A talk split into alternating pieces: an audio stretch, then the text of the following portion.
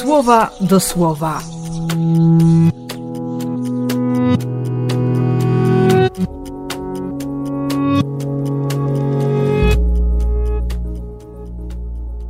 Szesnasty stycznia, wtorek.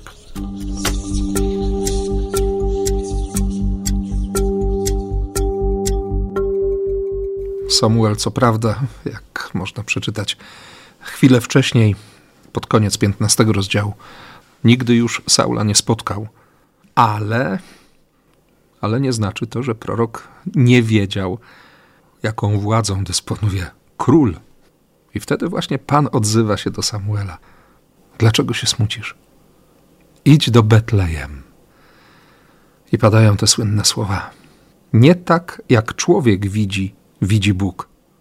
Pan widzi serce. I w tej pełni która jest chlubą Jessego, nie znajdzie się ten, który, który został wybrany przez Pana, na którego oczy Boże zwróciły uwagę. To, co człowiek uznaje za pełnię, może być jednak w oczach Bożych absolutnie niedoskonałe, totalnie nietrafione. Dlatego musi się pojawić ten najmłodszy lub najmniejszy Ogorzała, rumiana twarz, piękne oczy, wygląd jakby trochę zniewieściały.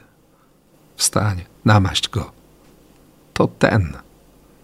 I oczywiście Dawid ma swoją historię. To, że Duch Boży go opanował, wcale nie pozbawia go możliwości dokonywania wyborów, nawet tych najgorszych.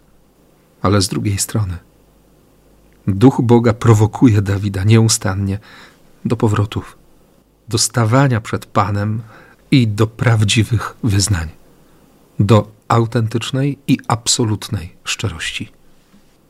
Tego właśnie chce Jezus. Nie przerostu formy nad treścią, ale szczerego serca.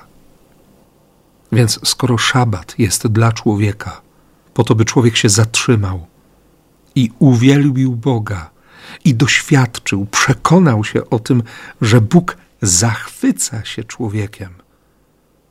Że, przepraszam za trywialność, Bóg jest w niebo wzięty, gdy patrzy na człowieka, gdy widzi ciebie, mnie też.